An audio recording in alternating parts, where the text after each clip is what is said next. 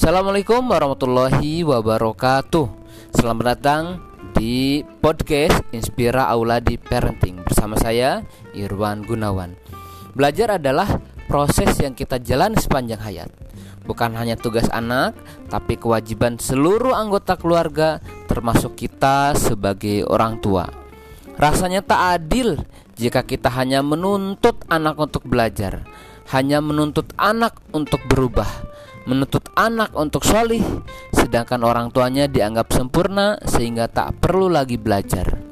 Ingin rasanya membudayakan semangat belajar khususnya kepada orang tua Baik itu sebagai ayah maupun bunda.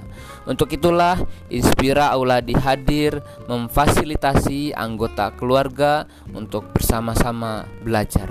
Selamat menikmati